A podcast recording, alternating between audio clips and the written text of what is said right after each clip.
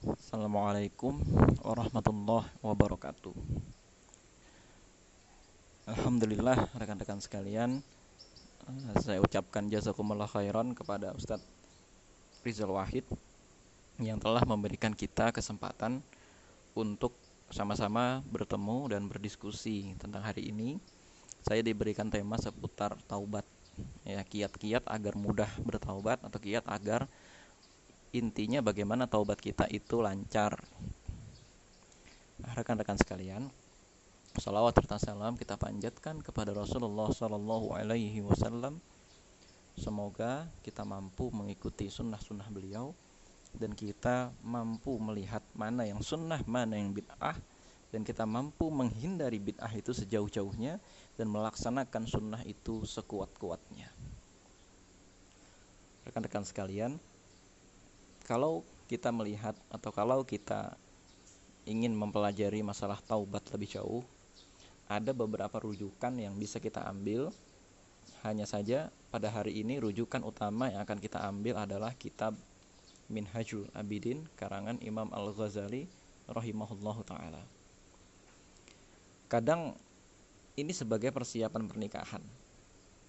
Ada dosa-dosa masa lalu yang terus membayang di dalam diri kita di antara dosa-dosa itu misalnya adalah dosa riba.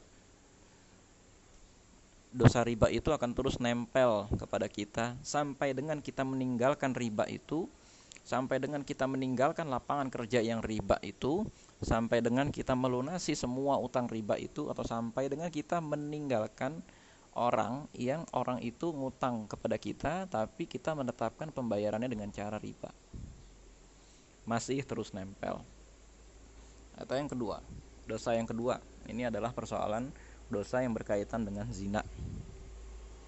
Di mana rekan-rekan sekalian, kalau kita lihat konteksnya di sini, banyak di antara anak-anak muda, para remaja yang sekarang terkena masalah dengan zina.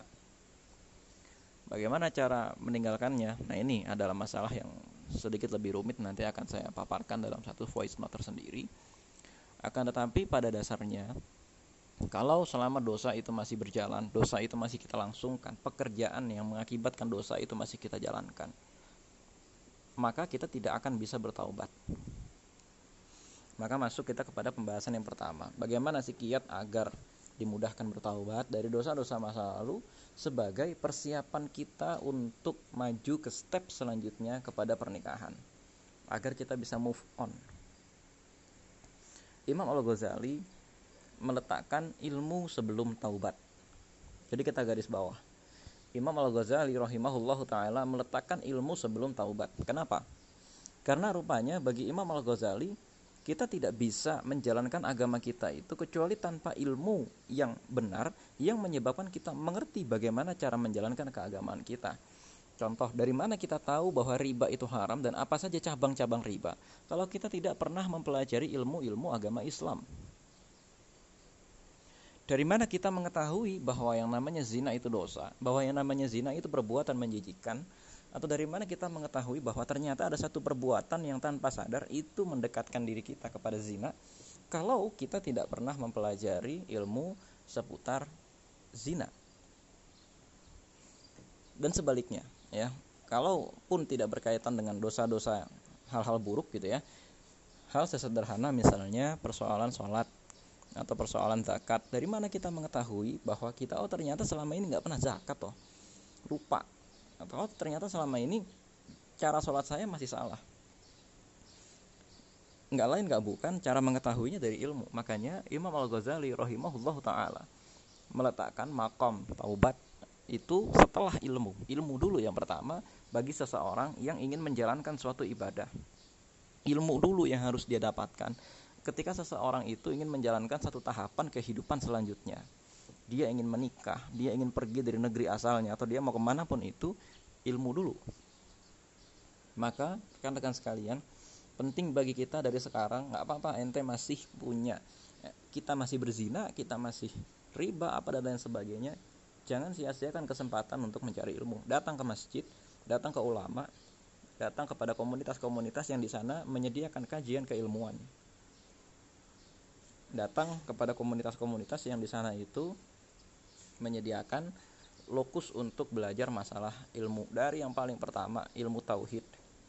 Lalu yang kedua ilmu fikih. Dari urutan-urutannya ada fikih niat toharoh ada fikih sholat ada zakat puasa haji munakahat dan lain-lain sebagainya. Baru setelah kita mengenali itu setelah kita mengetahui tauhid setelah kita mengenal Allah subhanahu wa ta'ala kita bisa bertaubat. Baru setelah kita punya ilmu oh gini toh caranya sholat. Oh ini toh hukumnya minuman keras. Oh ini toh hukumnya jilbab. Oh ini toh hukumnya pacaran dan lain sebagainya. Baru kita bisa bertaubat dengan plong ya kadang-kadang dengan logika manusia semata-mata tanpa adanya dalil kadang-kadang manusia akan bisa menemukan sesuatu yang sifatnya fitrah misalnya kalau di zaman jahiliyah itu ada Walid bin Mughirah yang mengharamkan minuman keras untuk diri dan keluarganya Walid bin Mughirah itu adalah ayah dari Khalid bin Walid yang dia itu meninggal dalam keadaan jahiliyah. Jadi ada beberapa orang-orang Quraisy yang memang mengharamkan minuman keras sebelum datangnya Islam. Kalau di dunia barat kita mengenal adanya sekelompok orang yang hidup dengan cara straight edge ya di antara mereka mereka menghindari daging babi, mereka menghindari minuman keras, mereka menghindari rokok dan lain sebagainya bukan karena haram, tapi karena mereka sadar ada fitrah dalam diri mereka yang membuat mereka menjauhi makanan-makanan kotor. Sedangkan dalam Islam halalan toyiban itu salah satu persyaratan makanan yang baik. Halal artinya zatnya itu bersih, zatnya itu halal, cara memperolehnya juga halal. Toyiban dampaknya baik, ya uh, zatnya juga baik, bergizi dan lain-lain sebagainya. Itu halalan toyiban. Kadang-kadang seseorang secara fitrah mengerti bahwa ini salah. Akan tetapi tanpa adanya dalil, tanpa adanya panduan dari Allah Subhanahu wa taala, tanpa adanya hafalan Quran, tanpa adanya bimbingan seorang ulama yang memberitahu dia dasar-dasar fikih, tanpa ulama yang memberitahu dia kaidah dasar-dasar usul fikih, dia tidak akan mengerti bahwa ini sebenarnya berdosa, ini sebenarnya salah, ini sebenarnya kotor, ini sebenarnya buruk. Maka Imam Al-Ghazali rahimahullah taala meletakkan makom taubat itu nanti setelah kita sudah punya ilmu baru kita bisa meresapi taubat yang sesungguh-sungguhnya. Kenapa sih kita sulit sekali meninggalkan pacaran misalnya? Karena kita belum tahu ilmu mengenai tauhid. Bahwa Allah Subhanahu wa taala yang mentakdirkan dua orang manusia untuk ketemu bahwa Allah Subhanahu wa taala yang menciptakan syahwat di antara kedua manusia. Bahwa Allah Subhanahu wa taala menciptakan setan untuk menjadi musuh kita. Ya. Bahwa Allah Subhanahu wa taala menciptakan segala kenikmatan dunia itu sebagai ujian buat kita, bahwa Allah Subhanahu wa taala itu menetapkan bahwa syahwat manusia tidak akan pernah bisa dipuaskan. La ilaha illallah kita pelajari dengan baik misalnya. Apa hukum-hukum yang muncul dari la ilaha illallah?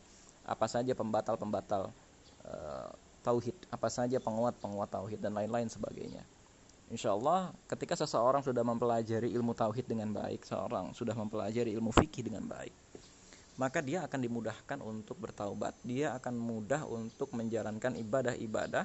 Dia akan mudah sekali untuk menjalankan segala sesuatu yang diperintahkan oleh Allah Subhanahu wa taala dan pada tahap selanjutnya dia bertaubat. Karena seseorang yang menjalankan semua perintah Allah juga belum tentu diberikan petunjuk untuk bertaubat. Misalnya apa? Kita lihat sekelompok ahlu bid'ah yang mereka masih meletakkan sajian-sajian di kuburan. Mereka masih menyembah makam atau mereka misalnya e, mereka mengira mereka pakai jilbab tapi mereka mengira mereka pakai jilbab itu jadi boleh pacaran. Mereka pegangan tangan lalu mereka kasih label itu sebagai pacaran syar'i misalnya. Nah, itu juga salah karena apa? belum tentu seseorang yang bisa beribadah lalu kemudian dia bisa bertaubat juga kalau dia tidak punya ilmu. Nah, rekan-rekan sekalian, itu sebagai pengantar. Makanya saya tekankan di sini, kok ada orang yang kelihatan udah niat bang taubat tapi susah. Kita bisa melihat, kadang ada orang yang kita kita bisa tahu dia ini dimudahkan untuk bertaubat ketika dia juga dimudahkan untuk bertemu dengan ulama, dalam hatinya itu ada perasaan ingin ketemu dengan ulama, dalam hatinya itu ada perasaan ingin ketemu dengan majelis ilmu dalam hatinya itu ada perasaan ingin baca buku agama ingin mendengar Quran ingin membaca Al-Quran. Karena dari situ wasilah datangnya petunjuk Allah subhanahu wa ta'ala. Memang Allah maha kuasa bisa saja ada orang tiba-tiba ulama datang ke rumahnya bisa itu adalah kuasa Allah subhanahu wa ta'ala. Akan tetapi kita lihat kalau dia tidak punya sikap ilmu yang baik, ini adalah sebuah tanda-tanda barangkali hidayah itu sedang menjauh dari dirinya. Ini pada bagian yang pertama. Sebelum taubat, ilmu terlebih dahulu. Yang kedua, rekan-rekan sekalian, di sini saya ingin berbicara kalau kita sudah punya ilmu agama yang cukup, punya teman-teman yang bisa memberikan kita pemahaman mengenai ibadah, kita sudah punya guru-guru, apa yang harus kita lakukan untuk mempercepat atau untuk memperlancar taubat kita. Imam Al-Ghazali rahimahullah taala lagi-lagi memberikan kita beberapa petunjuk agar taubat kita itu bisa terus berjalan atau agar taubat kita itu semakin mudah. Pertama, munculkan dulu rasa penyesalan dan rasa malu minimal kepada Allah Subhanahu wa taala. Rasa malu ini tidak akan muncul kalau kita tidak mengerti ilmu tauhid yang mana salah satu cabangnya adalah muraqabatullah atau kedekatan kita kepada Allah Subhanahu wa taala yang berdampak kepada pengawasan Allah Subhanahu wa taala kepada diri kita. Bagaimana kita tahu bahwa diri kita diawasi? Tentu dengan ilmu tauhid. Ada seseorang yang masih berzina, dia nggak akan malu. Dia nggak akan berhenti selama dia tidak menyadari bahwa dirinya sedang diawasi oleh Allah. Ada seseorang yang terus minum minuman keras sementara dia siangnya sholat apa dan lain sebagainya. Dia tidak akan mengerti bahwa dia sedang diawasi oleh Allah Subhanahu wa taala. Ya. Maka rekan-rekan sekalian, cara pertama untuk kita bisa bertobat itu adalah mengerti bahwa kita sedang diawasi oleh Allah sehingga kita bisa menyesal dan malu maka jangan heran nanti datang seorang lelaki kepada kita misalnya kita melihat sekilas oh iya dia rajin sholat dan lain sebagainya tapi kemudian ada laporan bahwa dia ini masih suka berzina. Lalu kita dengan polosnya menganggap ya mudah-mudahan nanti sholatnya akan membuat zinanya itu selesai. Ada yang salah dengan ini. Kenapa? Bukankah inna sholata tanha anil fahsya wal mungkar ya benar. Akan tetapi jika dia niat tauhidnya sudah benar tauhidnya sudah benar Ketika seseorang itu sholat tapi kemudian dia masih melakukan maksiat, tandanya dia belum benar-benar mengerti sholat itu untuk apa, untuk siapa, dan menyembah siapa. Itu yang pertama. Jadi rekan-rekan sekalian, coba kita munculkan rasa malu, coba kita munculkan perasaan e, diawasi oleh Allah Subhanahu wa taala, coba kita munculkan perasaan menyesal. Yang kedua, rekan-rekan sekalian, coba ya kita ganti pertemanan kita dengan pertemanan yang lebih baik. Misal banyak sekali orang atau banyak sekali teman yang menyebabkan kita merasa biasa berbuat maksiat. Contoh, seorang perempuan yang jilbabnya itu masih bongkar pasang. Ya. Dia kadang-kadang membuka jilbabnya itu di status WhatsApp. Dia kadang-kadang membuka jilbabnya itu di story Instagram. Kalau dia mengerti atau kalau dia taunya bahwa di status Instagram dia itu atau di status WhatsAppnya dia itu banyak teman-temannya yang juga tidak berjilbab, banyak teman-temannya yang tidak mempermasalahkan jilbabnya itu, maka dia juga tidak akan menyesal, dia juga tidak akan malu untuk membuka jilbabnya di media sosial. Lain halnya kalau ternyata kita sudah punya teman yang banyak, kita saling nge-save nomor sama mereka dan mereka-mereka itu adalah orang yang punya standar tertentu kepada penampilan terutama penampilan syar'i. Mereka tidak segan mengingatkan kita kalau kita pakai jilbab tapi rambutnya terlihat. Mereka tidak segan mengingatkan kita ketika kita pakai jilbab tapi ternyata kita masih pakai celana. Dan ketika kita ngelihat status mereka juga ternyata mereka pakai ya pakai gamis, mereka pakai jilbab yang rapi dan lain sebagainya, tidak pernah menampakkan aurat. Lama kelamaan kita akan ke bawah. Itu baru interaksi dunia maya. Belum lagi kalau kita hitung interaksi di dunia nyata. Ya, misalnya kita ikut sebuah komunitas, seminggu sekali kita ketemu di masjid dan lain sebagainya. Lama kelamaan kita akan terbiasa. Beda halnya dengan orang yang sama sekali tidak pernah ke masjid, sama sekali tidak pernah gabung dengan kelompok-kelompok kebaikan, nggak pernah sama sekali gabung dengan kelompok kajian. Pikirannya itu penuh dengan hawa apa ya? Oh itu ekstrim. Pikirannya penuh dengan, penuh dengan rasa curiga kepada agama. Pikirannya itu penuh dengan perasaan e, mendiskreditkan kepada suatu agama gitu kepada agama Islam maka dia nggak akan bisa nempel sama orang-orang soleh. Nggak akan bisa. Ya dia nggak akan bisa nempel sama orang-orang yang standar penampilannya sudah penampilan syar'i dia nggak akan bisa nempel sama orang-orang yang setiap hari omongannya agama Islam. Maka coba kita lihat teman-teman sekalian, kalau kita beneran mau taubat, oke nggak perlu meninggalkan teman yang lama, perjarang saja komunikasi gitu ya, kita cari teman-teman yang baru, kita tambah teman-teman kita sesama penghafal Quran. Dapatnya dari mana? Dapatnya dari kajian-kajian, dapatnya dari kelompok-kelompok pengajian. Terus ditanya, loh itu ada teman-teman saya yang eh, apa namanya gabung kepada kelompok kajian malah gampang pacaran? Iya, memang ada itu semua kembali kepada niat kita makanya kita punya ilmu dulu itu kembali kepada niat kita orang ke masjid niatnya sudah berzina dia bisa berzina di masjid tapi kalau orang ke diskotik niatnya untuk dakwah maka orang yang ada di diskotik itu bertaubat bersama dia. Maka lagi-lagi luruskan niat dulu. Antum datang ke sebuah kajian niatnya jangan macarin orang lagi. Tapi niatnya benar-benar di sana itu bertaubat belajar maka antum akan mendapatkan apa yang antum cari. Ente ke diskotik itu maunya mendakwahi orang. Maka antum di sana akan dapat orang yang bertaubat bersama dengan antum. Tapi kalau antum itu perginya misalnya ke masjid nyarinya orang buat dipacarin insya Allah akan ada orang yang bisa dipacarin di masjid dan ini realita pernah terjadi di mana-mana yang kedua rekan-rekan sekalian kalau tadi menambah pertemanan dengan pertemanan-pertemanan yang baik yang kedua ini adalah pindah tempat atau mencari tempat yang baik dan berpaling dari tempat yang lama. Imam Al-Ghazali sampai uh, menggambarkan begini, kalau orang itu sudah bertaubat maka dia bahkan tidak mau lagi membicarakan tempat dulu dia pernah melakukan maksiat. Dia tidak mau lagi hidup satu kota dengan orang yang dulu dia pernah melakukan maksiat dengan orang itu. Dia tidak pernah mau lagi satu tempat kerja apa dan lain sebagainya. Itu kalau orang sudah benar-benar bertaubat kita misalnya ada orang pernah berzina dua orang pernah berzina salah satunya sudah bertaubat maka dia mengerti untuk dia pindah kota. Dia mengerti untuk dia tidak lagi e, mencari-cari tempat dia tidak lagi mencari-cari alasan biar gimana caranya ketemu dengan orang yang dulu pernah berzina dengan mereka dengan dia. Meskipun itu kejadiannya suka sama suka dia tidak diperkosa tidak.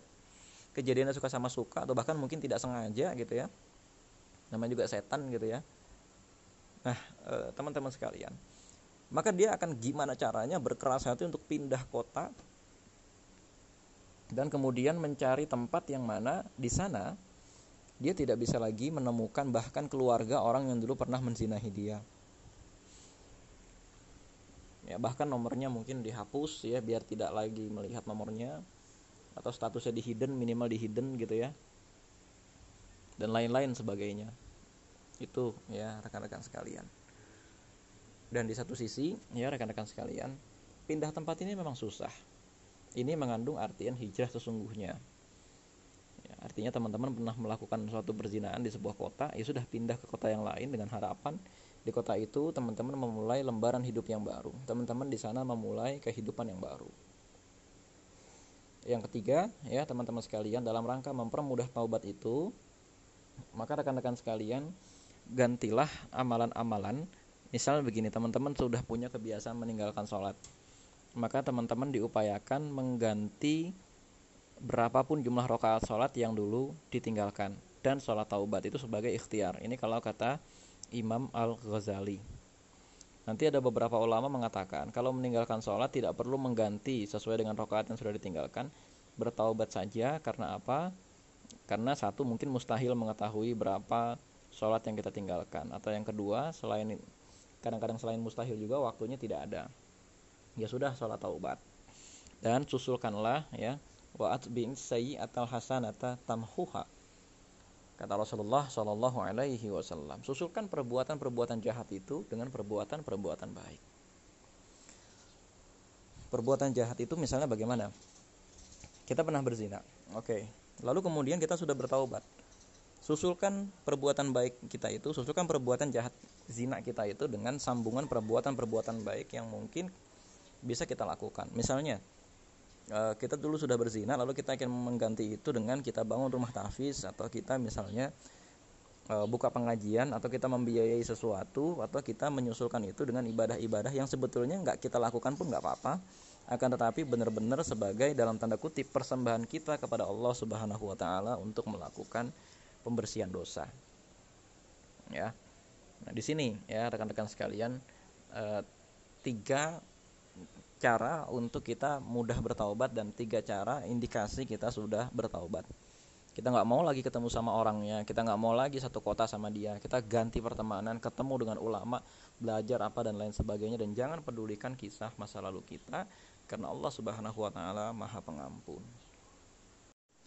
rekan-rekan sekalian saya di sini di bagian ketiga akan bicara sesuatu yang lebih spesifik yaitu persoalan bagaimana dosa riba dan bagaimana dosa zina. Dalil tentang haramnya riba itu sudah cukup jelas. Itu yang pertama. Yang kedua, sebelum menikah, teman-teman sekalian, kalau bisa pada saat misalnya kita sudah jelas nih lamaran atau kita sudah berazam mendapatkan jodoh yang baik sebagai penolakan kita kepada riba tolong masukkan persyaratan calon suami kita jangan pernah bekerja di sektor riba. Baik itu di bank dan lain sebagainya terserah teman-teman ikuti pendapat ulama yang mana jangan mencari sendiri tapi tanyakan kepada ulama kalau calon suami itu bekerja di bank itu bagaimana? Di gurunya masing-masing. Ya. Atau misalnya suaminya masih kerja di pinjol suaminya masih membolehkan pinjol dan lain sebagainya suaminya misalnya masih menanam modal di bitcoin. Ya. Berikan persyaratan itu. Orang-orang yang sudah berpaling dari riba. Ya orang-orang yang sudah berpaling dari haramnya riba akan begitu. Ya. Orang-orang yang sudah berpaling dari haramnya riba sudah bertaubat dari riba akan menjauhi itu semua. Nah rekan-rekan sekalian lalu bagaimana caranya kalau kita mau bertaubat dari dosa riba pertama sebelum menikah sebelum kita punya tanggungan anak sebelum akhirnya kita merasa berat meninggalkan pekerjaan kita yang berkaitan dengan riba itu segera cabut dari tempat pekerja kita yang lama. Yang kedua, kalau kita nggak kerja di tempat riba tapi sekedar nanam bitcoin dan lain sebagainya, cabut itu semua karena para ulama sudah mengatakan bahwa itu adalah riba. Itu adalah haram. Bitcoin itu adalah haram. Itu sudah ijma'nya ulama di Indonesia. Bitcoin itu adalah haram.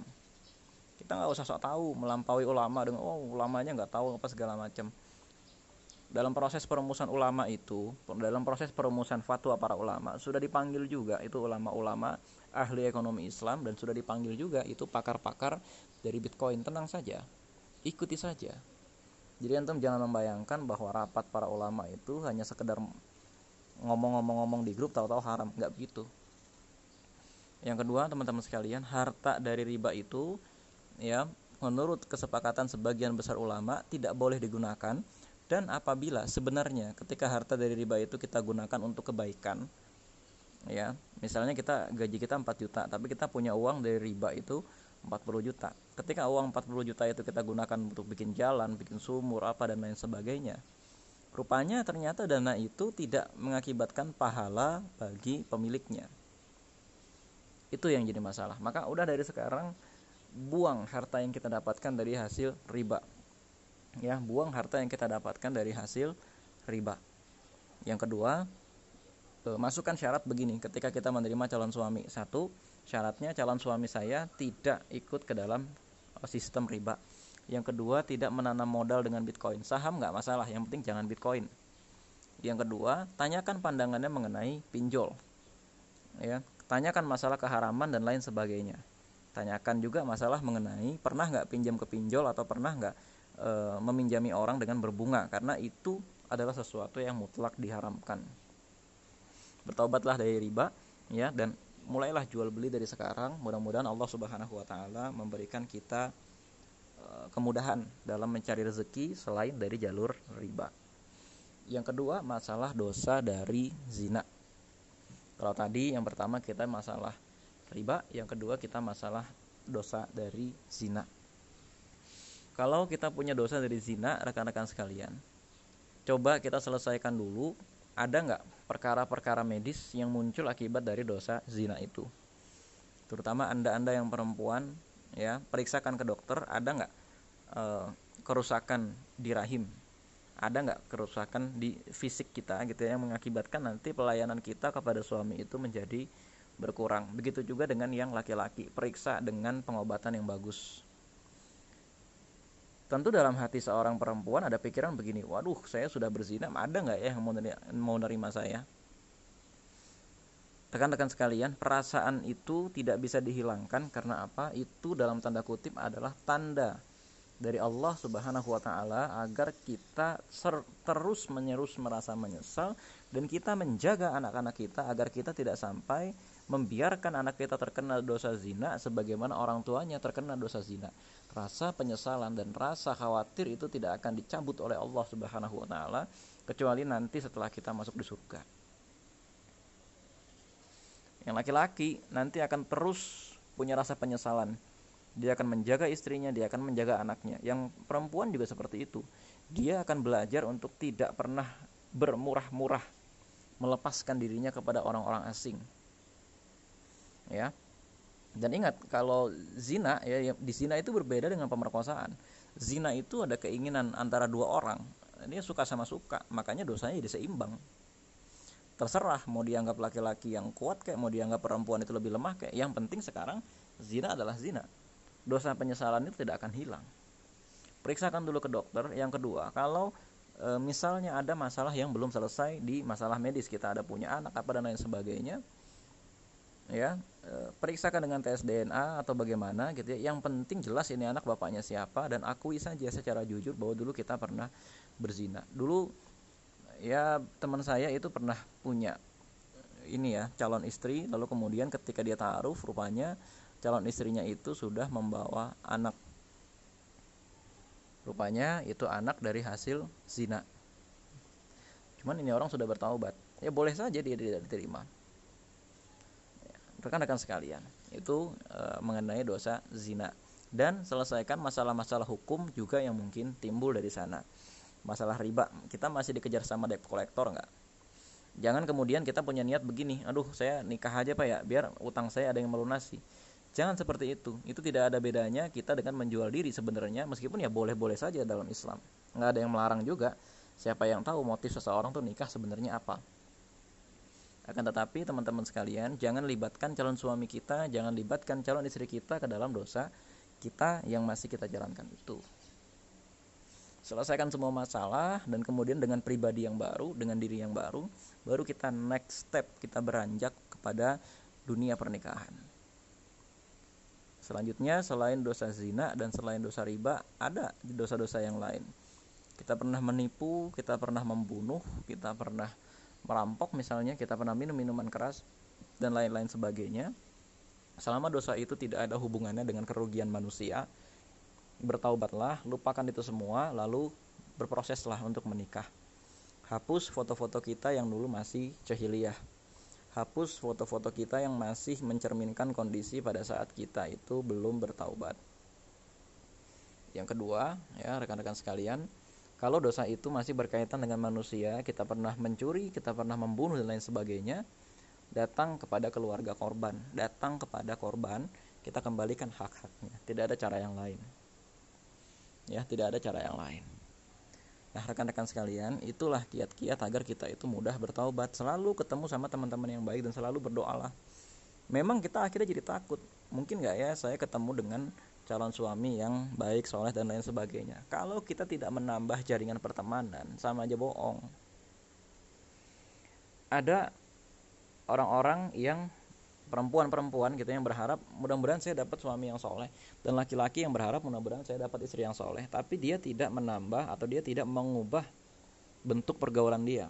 Dia tahu orang tuanya bukan orang soleh. Dia orang tuanya bukan ulama orang tuanya bukan aktivis Islam meskipun bukan ulama misalnya. Tapi dia sendiri tidak berikhtiar. Ayo dong ngobrol deket-deket sama penghafal Quran. Ngobrol dong ya hafalkan Quran ketemu sama teman-teman yang baik, ketemu sama teman-teman yang sedang bersama-sama melakukan kebaikan. Insya Allah jaringannya juga akan bertambah menjadi jaringan kebaikan. Sebenarnya pernikahan itu segitu aja. Pernikahan itu sama seperti orang dagang. Kalau ada orang kebanyakan temennya adalah orang-orang yang pendapatannya sekian, maka dia akan menetapkan harga barang dan jenis barang yang dia jual itu barang apa yang sesuai dengan cocok dengan uh, orang yang pendapatannya sekian menjadi kawan-kawan dia. Beda dengan orang-orang yang kawan-kawannya itu menengah ke atas.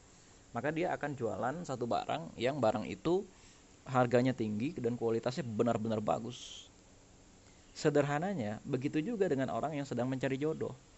kalau dia banyak bergaul dengan orang-orang baik lama kelamaan dia juga akan belajar untuk mengemas dirinya dengan baik akan belajar untuk membuat dirinya pantas berteman dengan orang-orang itu dan kemudian ya kemungkinan besar akan ada dalam tanda kutip pembeli atau dalam tanda kutip orang yang tertarik dengan dia dari kalangan yang dia berharap akan dari kalangan itulah suaminya datang tapi ini ada orang udah tahu dia banyak dosa, akan tetapi dia tidak mencari teman baru yang membuat dia lebih akrab dengan kebaikan. Dia tidak mencari teman baru yang membuat dia dekat dengan Al-Qur'an, dekat dengan sholat, dekat dengan kajian-kajian dan lain sebagainya. Lantas dia cuma berharap Allah Subhanahu wa taala mendatangkan jodoh yang penghafal Quran apa dan lain sebagainya. Ikhtiarnya tidak dia lakukan. Akhirnya apa yang terjadi? Ya begitulah. Yang terjadi barangkali Allah Subhanahu wa taala mendatangkan pasangan yang sepadan dengan dia. Sebenarnya sederhana, maka rekan-rekan sekalian, dari sekarang cari ilmu agama yang bagus, cari ilmu agama yang kuat, dekat-dekat sama guru agama, gitu ya. Lalu bertaubatlah dan berdoalah kepada Allah Subhanahu wa taala. Dari sekarang hafalkan Al-Qur'an, dari sekarang bacalah buku-buku, dari sekarang kuasailah salah satu di antara banyak cabang ilmu Islam belajar bahasa Arab dan lain sebagainya agar Allah Subhanahu wa taala memperbaiki kehidupan kita. Dan apa kata Allah? Fakultu astaghfiru rabbakum innahu kana ghaffara. Ya, dan ber, ya bertaubatlah gitu ya, minta ampunlah kepada Allah Subhanahu wa taala, kepada Rabbmu gitu ya. Innahu kana ghaffara. Sungguhnya dia itu Maha penerima taubat, Maha mengampuni yursili sama alaikum midrara. Sesungguhnya dia akan menurunkan air hujan yang berderai-derai. Wa yumdidukum bi amwal dan dia akan membanyakkan hartamu wabarin dan anak-anakmu dibikin anak yang lucu, dibikin anak yang baik. Wa jannah dan menjadikan untukmu itu kebun-kebun pertanian yang luas. Wa anhara dan mengalirkan untukmu sungai-sungai yang jernih airnya. Ya, rekan-rekan sekalian, itu kutipan dari surat Nuh. Mudah-mudahan rekan-rekan sekalian mendapatkan pembelajaran yang baik dari kajian kita hari ini. Assalamualaikum warahmatullahi wabarakatuh.